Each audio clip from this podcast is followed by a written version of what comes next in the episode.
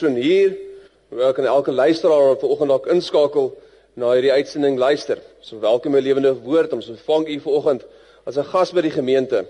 Dalk net so 'n vinnige oorsig oor die gemeente Lewende Woord in 1986 deur ons senior herderspaar Neville en Rina Norden gevestig en het sedertdien gegroei. Ons is vandag 'n groot en gevestigde gemeente in Pretoria met alreeds 5 gemeentes in Pretoria waarvan die Lewende Woord Primeria hierdie gemeente ons hoofgemeente is. Ons het ook 'n groot groep gemeentes in die land en ook al reeds 'n paar gemeentes internasionaal waar baie waarop ons baie trots is. En ons sien regtig die Here se hand en sy guns op ons gemeente en hoe die Here ons gebruik om eh, om die koninkryk van God in mense se harte en se lewens te vestig. Ons vra hierdie vraag by die gemeente: Kan 'n nasie na die Here terugkeer? En ons sê met ons hele hart: Ja, verseker, dit kan. En ons glo dat elkeen van ons in hierdie gemeente 'n rol daarin om te speel.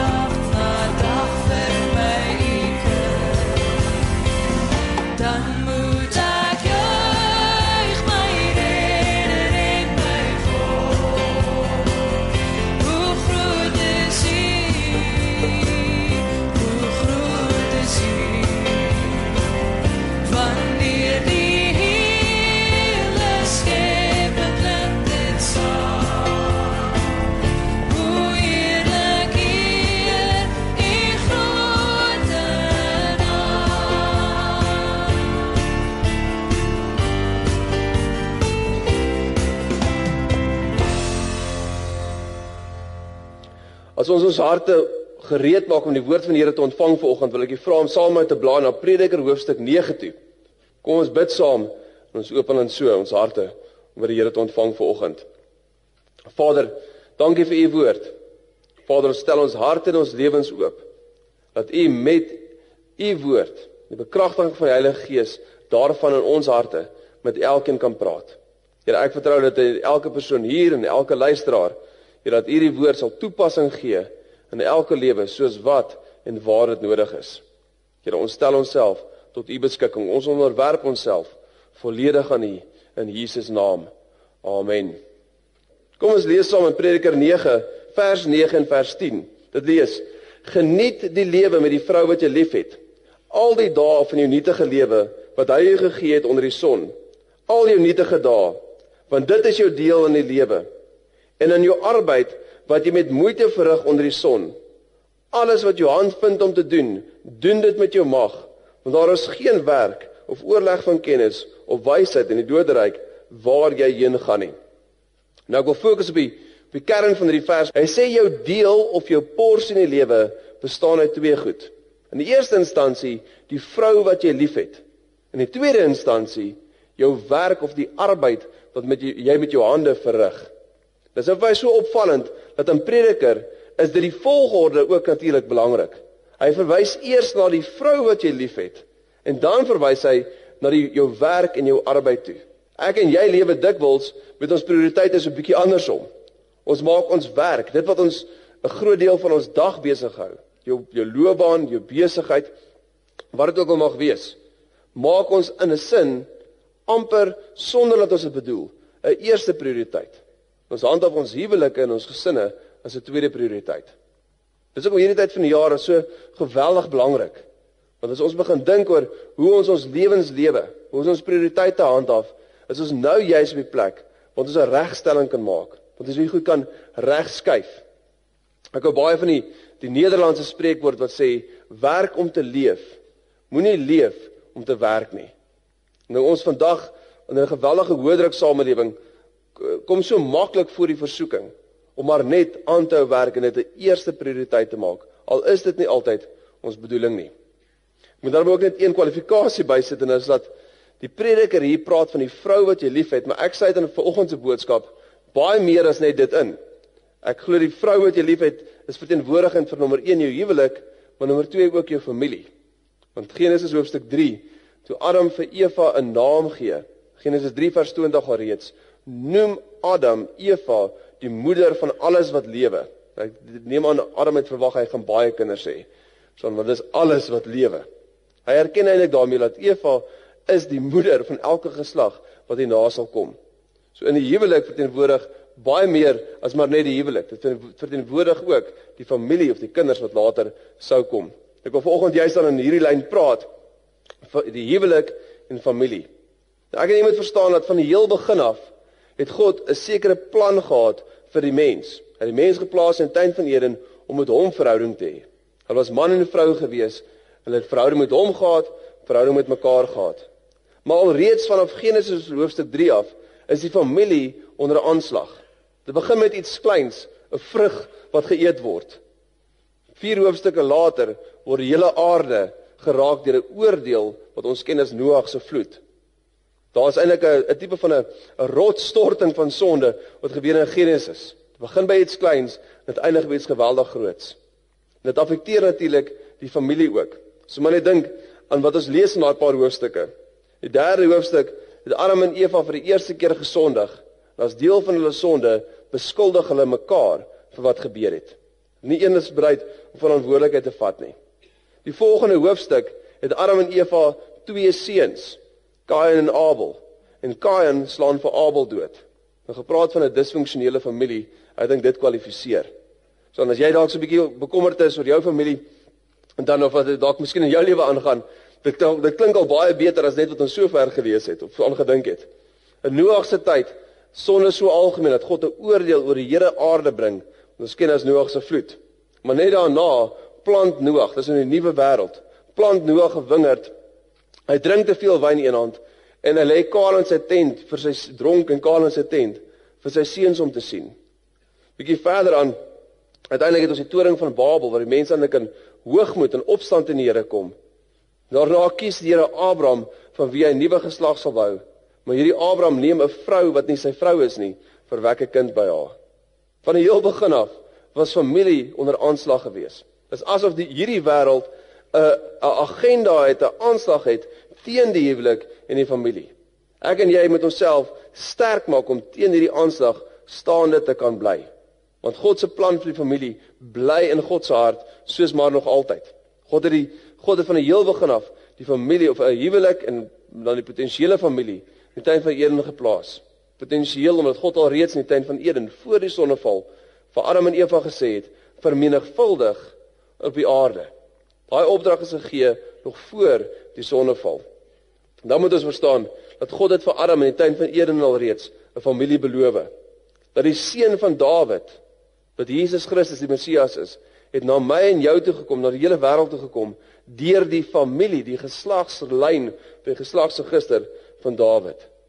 En dan in die Nuwe Testament, waar ons nou leef vandag, is die hele kerk, God se geloofsgemeenskap is dit van die heel begin af in familieterme beskryf. Dit is nie vir jou opvallend dat wanneer daar briewe geskryf word tussen kerke in die um, Nuwe Testament, tussen persone selfs in die Nuwe Testament, word daar van 'n manspersoon in die gemeente gepraat as 'n broer en van 'n vrou as 'n suster. Dis asof die Here sê dit wat ek dit wat ek graag aan my gemeente of my kerk wil sien, leen ek by die familie. Ons weet dis waar God se prioriteite staan. Dit is um vir my ook opvallend dat in boeke soos Kolossense, en Galasiërs, as daar geskryf word van die familie, die man en die vrou se rol en uiteindelik die kinders en ook, word die kinders ingesluit by hierdie briewe. Die verwagting of die afleiding is dat Paulus het sy briewe geskryf met die bedoeling dat wanneer die brief vir 'n gemeente gelees word, die kinders ook teenwoordig sal wees om te hoor wat die instruksie of die opdrag van die apostel was. Nou ek dink dis baie sinvol. Ons baie wat ons kan kan lees daarin. Ek dink dit is nog steeds sinvol vandag dat ons kinders apart het soos ons by die gemeente het in in kinderkerk. Maar die hart van God wys dit vir so duidelik daarin dat God is familie georiënteerd. Selfs sy kerk leen familietaal om homself te kan beskryf. Ek en jy vandag, soos ons leef, moet verstaan dat ons in hierdie wêreld is ons huwelike en ons families onder aanslag. Ons moet onsself versterk. Ons moet die aanslag nie onderskat nie. Sodat ons ons huwelike en ons families kan sterk maak teen elke aanslag wat kom. Dit is 'n deel van 'n statistiek word ergens nie, maar die, maar dat God se se koninkryks of geloofsgemeenskap 'n voorbeeld vir die wêreld sal wees van hoe familie behoort te wees, hoe dit behoort te lyk. Nou daar's baie dinge wat ek kan deel oor familie vanoggend, maar dit dis vir regtig opvallend dat in baie van die Christelike literatuur is daar soveel ooreenstemming van wat maak 'n suksesvolle huwelik, 'n suksesvolle gesin. Ek gaan met dit 'n gedagte so so 6 punte deel vanoggend wat ek hoop om elkeen van julle te sal sal bemoedig, maar ook vir jou prakties sal wees. Die ander wyse dat jy hiermee iets het wat jy sommer onmiddellik kan toepas in jou familie in jou huwelikssituasie en wat soos wat jy dit toepas, dat jy van die begin af die Here se seën kan verwag in daai area. Die eerste eienskap of die eerste beginsel van 'n werklike suksesvolle huwelik of 'n suksesvolle familie is dit onvoorwaardelike toewyding. In 'n suksesvolle huwelik, suksesvolle gesin, dreig niemand hulle gaan loop nie. Hulle loop nie wanneer hulle lus kry nie. Hulle het 'n belofte gemaak teenoor mekaar, betroudag en 'n huwelikspaartjie tipies. En daai belofte bly staan. Dit beteken nie ons raak nie kwaad nie, dit beteken nie ons argumenteer nie, maar die belofte is ononderhandelbaar. Ek sê graag vir vir troupaartjies, wanneer jy 'n belofte maak op julle troudag, moenie dink julle maak 'n belofte aan mekaar nie. Wat eintlik gebeur op 'n troudag, 'n man en 'n vrou maak 'n belofte aan die Here met betrekking tot mekaar. Dis 'n baie hoër orde belofte as wat ons sommer maar dit partykeer maar net maak om te wees. Die wêreld het tipies vandag 'n lae siening van die huwelik. God se woord in teenstelling het 'n baie hoë agting vir die huwelik. En dit is my opvallend ook dat um, daar so baie toepassing hiervoor is. Maar ek dink aan die storie van Luciano Pavarotti, die opera sanger wat gelede is so so 'n uh, jaar of 3 gelede. Luciano Pavarotti is 'n jong man met twee groot passies gehad in die lewe. Ek weet jy dink die een is om te eet, maar dit was nie. Hy het twee groot passies gehad. Die een was onderwys En die ander een was sing. Hy was lief vir altyd van dit gewees. En uh, hy het probeer onderwys gee en soveel as moontlik tyd daaraan gee. Hy was 'n toegewyde onderwyser, lief vir kinders. En dan uh, in al sy aftyd het hy afgestaan om te kan sing en 'n loopbaan van sang te bou so goed as dit moontlik kan. Toe op 'n dag kom Luciano Pavarotti se pa by hom en hy sê vir hom: "Seun, luister vir my. As jy op twee stoele bly sit, gaan jy in die middel deurval." Jy kan eenvoudig nie sukses hê as jou hart en jou gedagtes altyd verdeeld is nie. Luciano Pavarotti het dit ter harte geneem en hy het hard gedink oor sy lewe hierna. En uiteindelik het hy besluit gemaak en hy het besluit hy gaan sing. Die interessante is dit het hom nog 7 jaar gevat voordat hy 'n genoegsame inkomste van sang kon kry om werklik daarvan 'n loopbaan te maak. Ek dink die die storie illustreer eintlik hierdie beginsel so goed.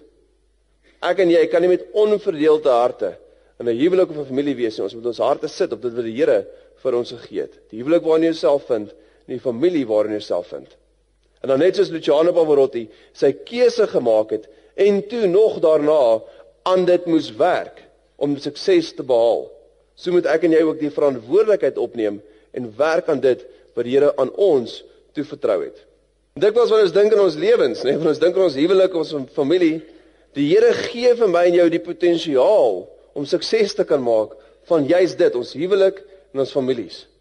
Maar daar's 'n verantwoordelikheid wat ek en jy moet neem Daar's werk wat gedoen moet word wat vir my en jou afhang of die huwelik en of die familie suksesvol sal wees. Ek het 'n verantwoordelikheid en dit begin hierby onvoorwaardelike toewyding. Die hele punt van onvoorwaardelike toewyding is dit. Dit is tot uitsluiting van alle ander. Dit sluit enige alternatiewe uit. Dit sê hier het ek my keuse gemaak en ek gaan dit maak werk. Die ou Engelse spreekwoord oor huwelik sê vir vir mans, choose your love and love your choice. As ons maar net daarby kan hou en die die les kan leer. 'n Tweede belangrike eienskap en is eenvoudig is waardering en liefdebewyse. Nou daar's baie meer om te sê oor dit as wat um, ek in 'n paar minute kan sê. Inteendeel hierdie kan seminare oor gaan. Paartjies leer om te kommunikeer en mekaar liefde te bewys en waardering te bewys op 'n manier of op maniere wat wat regtig tot die hart spreek. Miskien 'n goeie wegstrekpunt is Gary Chapman se boek Die 5 tale van liefde. As jy nog nooit gelees het, hy sê ons kommunikeer liefde en ons wil graag liefde hoor of ontvang op verskillende maniere. Hy sê daar's 5 hoofstyle of maniere waarop ons liefde kommunikeer. Hy sê dit is woorde van lof. Dis wanneer ons met mekaar oop en reguit praat op 'n opbouende liefdevolle manier. Veral as jy weet jou maat in 'n huwelik of jou kind in die familie of hoe ook al, is jy sensitief tot woorde wat ges, wat ges, wat gepraat word of gesê word. Kwaliteit tyd. Dis om tyd te maak vir mekaar. Ander dinge eenkant te skuif sodat ons 'n tyd het wat ons net op mekaar kan fokus. Geskenke. Nou dis nie altyd diamant oorbelle nie. Geskenke is partykeer net daai klein ietsie wat jy by die BP koop om te kan sê ek het aan jou gedink vandag. Smoop pad huis toe. As jy eers was. Ek het dit nog nooit gedoen nie, maar ek het darem al baie gedink. Nou uh my onvermoë om tot aksie oor te, te gaan is miskien waar baie mans is, nê? Ons ons is nie so regtig so toe soos ons lyk nie. Ons ons sit net daai knoppie sit net lekker altyd aan in die brein nie. Ons bedoel goed, maar kom nie lekker tot aksie nie. Vir 'n man is hierdie partykeer net om om so ver te gaan te gaan of te kom om regtig daar by woord te sit. Daai klein ietsie wat jy saambring. Dade van diensbaarheid, 'n vierde een. Dis dis nou daai kosblik wat gepak word of daai iets kleins wat gedoen word of jou ma te wys of dalk en dit geld natuurlik vir die familie ook of jou kind te wys hy of sy word werklik gewaardeer. Die laaste een is fisiese aanraking. Dis daai drukkie of dalk net die hand op die skouer, dalk die handdruk, miskien dalk net vinnig, maar 'n manier om te sê ek dink aan jou, ek is lief vir jou, ek waardeer jou. Wat vir my ook so interessant is was ek dink maar net aan die manier waarop ons liefde en waardering kommunikeer. Dis regtig opvallend dat daar so verskillende style is. Elkeen van ons is so anders. Dis juis wanneer ons hieraan dink wat ons moet besef dat ek en jy is verskillend gemaak. Dis my opvallend in Genesis hoofstuk 2 is die werkwoord wat gebruik word vir Adam se skepping en die werkwoord wat gebruik word vir Eva se skepping verskillend. Dit sê Adam was gebou, nee nee, andersom. Adam was gevorm, geformeer uit die stof van die aarde uit. Die werkwoord formeer. Dan wanneer Eva gemaak word, sê dit die Here het vir Eva gebou uit die rib van Adam uit. God het hulle anders gemaak van die heel begin af. Van die heel begin af het God bedoel dat man en vrou moet verskillend wees, juis sodat hulle mekaar kan aanvul. Dit is altyd so lekker om te sien hoe hoe verskillend selfs kinders in 'n familie is. Hulle partykeer dag by nag verskil. Ons moet mekaar se verskille kan aanvaar want dit die Here bedoel dat dit komplementerend moet wees. 'n Derde punt, 'n derde eienskap en beginsel van 'n suksesvolle huwelik, 'n suksesvolle gesin is dit: positiewe kommunikasie. Nou hier gaan ek nie baie sê nie, miskien moet ek dalk net dit sê. Kritiek en konstante pessimisme is die presiese teenoorgestelde van positiewe kommunikasie. En hierdie bly altyd 'n uitdaging. Dit is ons woon in 'n tyd wat ons so maklik ontstel kan word deur dit wat op die nuus gebeur. As jy 'n Blouwil ondersteuner is, as jy miskien teleurgestel word wat hierdie jaar in die Karibeker gebeur het. So dalk is jy onder finansiële druk. Maar wat jy nie kan doen nie, jy kan nie toelaat dat dit jou konstant jou gesprekke domineer in jou huwelik en jou familie nie. As 'n huwelik en 'n familie moet saam positief kan dink en droom oor die toekoms. Positiewe denke en verwagtinge hê van wat die Here met hierdie familie en hierdie huwelik sal doen. Pa en ma behoort jou kind opgewonde te wees. Jy moet kan saam met hom of haar droom oor die toekoms wat die Here vir hulle het. Dit is positiewe kommunikasie. Die Here het 'n ma en 'n pa ook daar geplaas om vir 'n kind te kan opbou en te kan help om dit te bereik wat die Here vir hom of haar in die lewe het. Focus on a family het op 'n stadium 'n studie gedoen. Hulle sê meeste getroude paartjies praat minder as 12 minute per dag regtig met mekaar. Maar dit te midde van 'n tyd waar meeste mense ongeveer 46 ure TV kyk per week. Ek en jy leeu kan so maklik in die struik val wat ons maar net doen wat die maklikste is om te doen. Ons moet regtig intensie en bly werk, moeite te doen met ons huwelike en ons families. 'n Ander studie sê meeste ouers spandeer minder as 7 minute per dag met hulle kinders. Ek um, dink aan 'n spreker wat ek laasweek dit volgende hoor sê het. Hy vertel van 'n spreker wat in 'n in Bloemfontein praat met 'n groep met 'n groep wat um, juis oor ouerskap. Aan die einde van die sessie staan 'n jong seun op en hy gebruik krastaal en hy sê vir die spreker: "Meneer, jy kan nie dit sê nie. Alles wat jy nou gesê het is sommer nonsens." En nou regtig 'n slegte woord gebruik net daar. En hy sê ons ouers skuld ons meer as geld in hulle afwesigheid.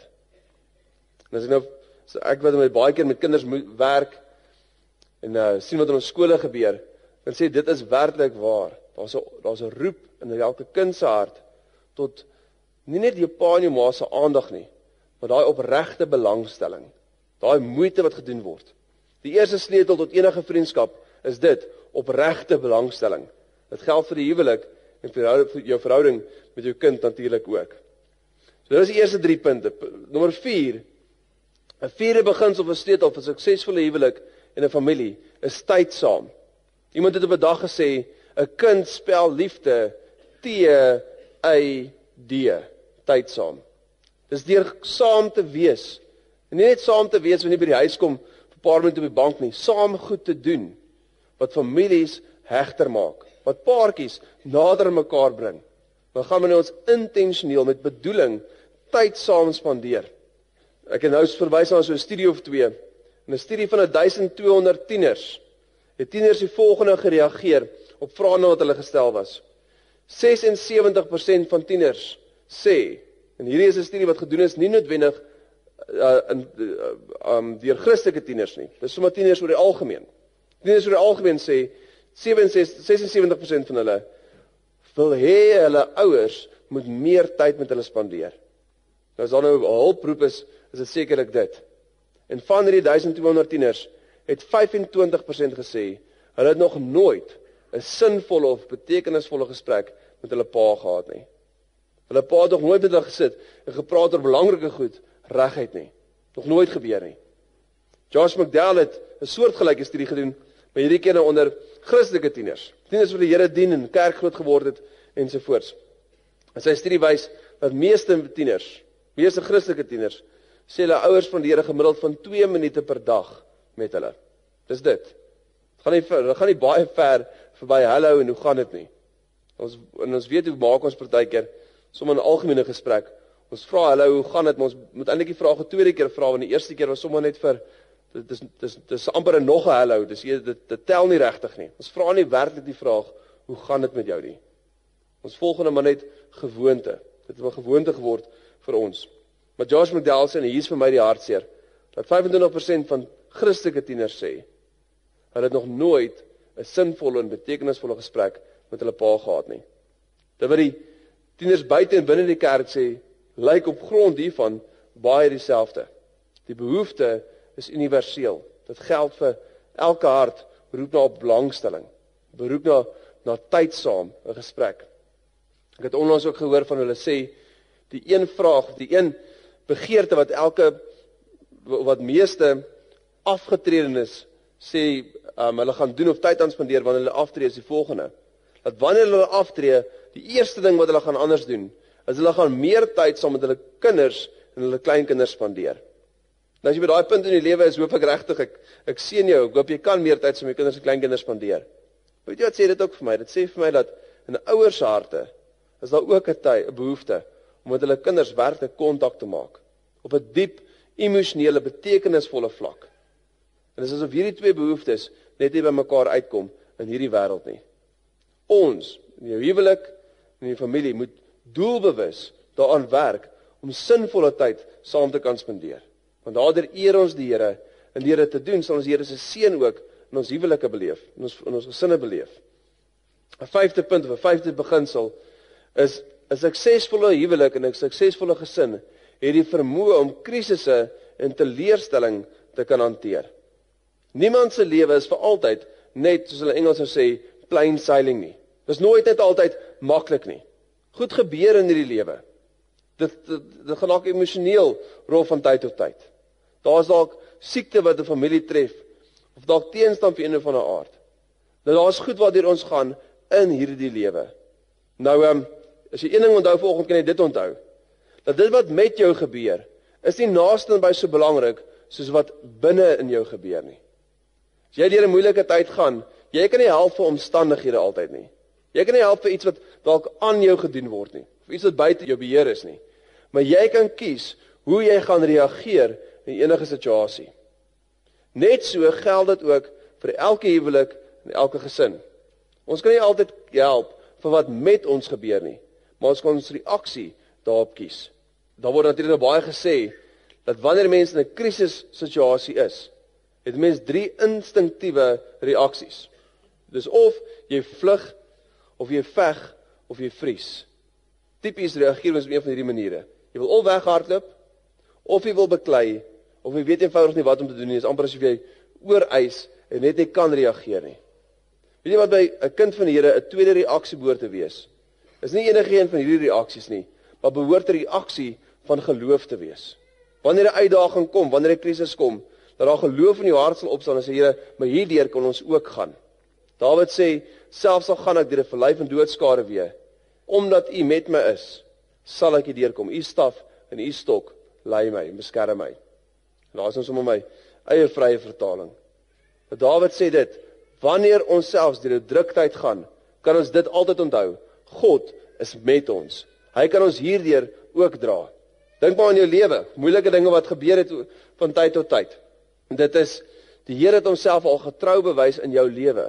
Die Here kan jou deur enige ding dra, selfs 'n krisis waarin jy self nou bevind. En op hierdie punt moet ek dalk net iets vinnig sê oor finansies. In die huwelik en in 'n familie moet ons altyd onthou, finansies is 'n spansport. En 'n span wat met mekaar beklei, wen nooit nie. En as jy dalk nou deur 'n 'n druktyd gaan finansiëel, as in 'n huwelik of dalk in jou familie, dit affekteer daai verhoudinge. Onthou net dit.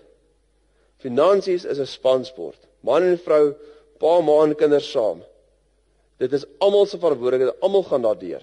Almal dra natuurlik nie altyd dieselfde verantwoordelikheid of dieselfde las nie. Maar ons is almal saam in 'n ding, in tye van oorvloed, maar ook in tye van druk. En ons moet altyd hierdie ding eh, voor versigtig wees. Dat wanneer ons druk is, dat ons nie teen mekaar draai nie, want 'n span wat met mekaar beklei, verloor altyd. Ons wil ons oog op die pryse, ons wil self sien vooruitgaan en vertrou dat ons deur hierdie moeilike tyd ook sal gaan. Maar daarin is die sleutel dat ons dit as 'n spansport sal benader. En dan miskien ook net 'n nog 'n gedagte oor finansies. Finansies is 'n bietjie soos 'n rivier.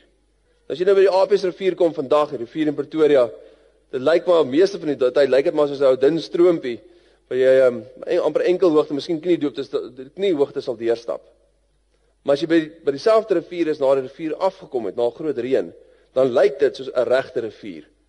En as jy winter daar kom, is dit miskien so vlak dat jy sommer op klippe kan oorstap. Maar 'n rivier soos die Apies rivier is nooit konstant nie. Daar partykeer wanneer daar regtig 'n tekort is aan water, ander kere loop die water stil en stabiel. Maar ander kere, nou en dan, is daar werklik oorvloed. En elke persoon se finansies, sy finansiële stand kommunikeer maar eintlik baie dieselfde as jy daaraan dink. Jy kan dink aan tye in jou lewe wanneer daar regtig nood was jy nie geweet het hoe jy die volgende rekening gaan betaal nie. Dan is daar tye wat jy wat dinge maar net stabiel was. Jy kom by al jou verantwoordelikhede uitkom, jy moes verantwoordelik binne dit bly. En jy kan en as jy regtig eerlik is, jy kan jy terug terugdink aan tye en kere in jou lewe waar daar vir oomblikke ten minste regtig oorvloed ook was. Waar jy ekstra gehad het, waar jy wat jy um, diskresionêr kon spandeer, as ek dit so mag stel. Nou dit is die aard van finansies in hierdie lewe. Dit is nie stabiel nie, dit is nie konstant nie. Dat is 'n huwelik en 'n familie moet ons besef dat ons hierdeur ook gaan gaan. Omstandighede soos dit is op 'n troudag is dalk nie altyd so nie. Ek hoop vir elke paar natuurlik dit sal net beter word. Maar dinge in hierdie lewe gaan verander en gaan deur skommelinge gaan. Ons moet onsself regmaak om daardeur te kan gaan. Dis die regte ingesteldheid hier rondom wat 'n sleutel is vir my en jou. Nou die laaste punt. Suksesvolle en gelukkige huwelike en suksesvolle en gelukkige gesinne doen die volgende. hulle groei geestelik saam. Dit is my laaste punt vir oggend, maar eintlik behoort dit my heel eerste punt te wees. As ons nader aan die Here groei, dan groei ons ook nader aan mekaar. Daar's die ou illustrasie wat sê as 'n man, 'n vrou en hulle verhouding met die Here soos 'n driehoek voorgestel word, is God bo die boonste punt van die driehoek. 'n Man en vrou die onderste twee punte. Soos wat man en vrou in huwelik nader aan mekaar groei, ag nader aan die Here groei, groei hulle ook nader aan mekaar. Dit bly eenvoudig waar. Huwelike en gesinne wat saam die Here dien, word heg saamgebind en hulle waardes word gelykgestel. In 'n familie en in 'n huwelik gaan ons nie altyd dieselfde belangstellings deel nie, maar ons kan nie waag om nie dieselfde waardes te hê nie. En waardes word verkry deur ons geestelike verhouding of ons geestelike lewe. Dit wat ons in God se woord leer, daai word vir my en jou die boublokke van ons eie lewe, maar ook ons huwelik en ons gesinslewe. As die ou gesegde wat sê families who, who pray together stay together. En dit is presies so. Families wat hulle oë op die Here vestig, stel hulle self ook oop om by die Here guns en seën te kan ontvang. Nou, dis my 6 punte vanoggend. Ek wil dit by jou los en ek wil dit stel as 'n uitdaging vir elke persoon hier en elke luisteraar vanoggend. Dat ek en jy moet besluit. Ons moet die voorneme maak dat ons al sterk staan in hierdie lewe. Ons vertrou dat die Here ons huwelike en ons gesinne sal seën en dat dit 'n getuienis sal wees vir elkeen rondom ons van die Here se guns en sy goedheid. Maar dit begin by 'n besluit wat sê ek gaan verantwoordelikheid neem vir my huwelik en my familie. En ek gaan vertrou dat ek 'n geseënde huwelik en 'n vervulde gesinslewe gaan en sal hê. Sonder daai besluit kan ons nie enige beginsel begin toepas nie. Ons moet ook besef dat die huwelik en die gesin is God se ideaal vir ons. Dit is God se plan A. Nou ek weet ons lewe in 'n tyd dat baie mense deur moeilike goed moes gaan. Dalk het jy onlangs deur 'n deur 'n egskeiding gegaan of jou familie is nou in 'n in 'n warboel. Daar wat wat jy nou vir verantwoordelikheid kan neem. Daar waar die Here jou nou geplaas het. Dit wat die Here nou net toe vertrou het, neem daarvoor verantwoordelikheid. En sien en verwag dat die Here jou sal seën. En laasens moet ek en jy besef dat as dit met ons huwelike goed gaan nie, as dit nie met ons familie goed gaan nie, dan gaan dit nie met ons goed nie. Daar is die twee goed wat so aan ons gekoppel is dat ons dit nie van onsself kan skei as ons praat van of dit goed of dit sleg gaan met ons nie. Ek gaan afsluit met hierdie skrifgedeelte, Psalm 67 vers 2 en vers 3.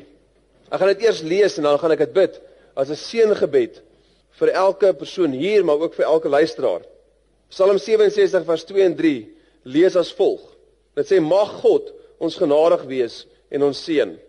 Mag hy sy aangesig by ons laat skyn sodat die mense op aarde u weg kan ken onder al die nasies u heil. As ek vanoggend hierdie diens afsluit, stel ek dit af met hierdie woorde, met hierdie gebed dat die Here ons huwelike, dat die Here ons families sal seën. Dan vir jou ook as jy miskien in 'n moeilike tyd is, 'n moeilike plek is, terwyl van of jy huwelik of jy familie vanoggend. Dan bid ek dat die Here se genade daar sal wees, dat die Here vir jou wyse sal gee hoe om jou situasie te benader soos jy op hom vertrou en sy wysheid vra dat God se guns en sy genade jou sal ontmoet. Kom ons sluit ons oë en ons ontvang die seën van die Here. Vader, vanoggend seën ek elke persoon hier. Ek seën elke luisteraar met hierdie gebed. Here mag U ons genadig wees. Here mag U ons seën. Here mag U U aangesig by ons laat skyn. Vir hierdie rede dat die mense op aarde U mag ken onder al die nasies u evangelie verkondig mag word. In Jesus naam. Amen.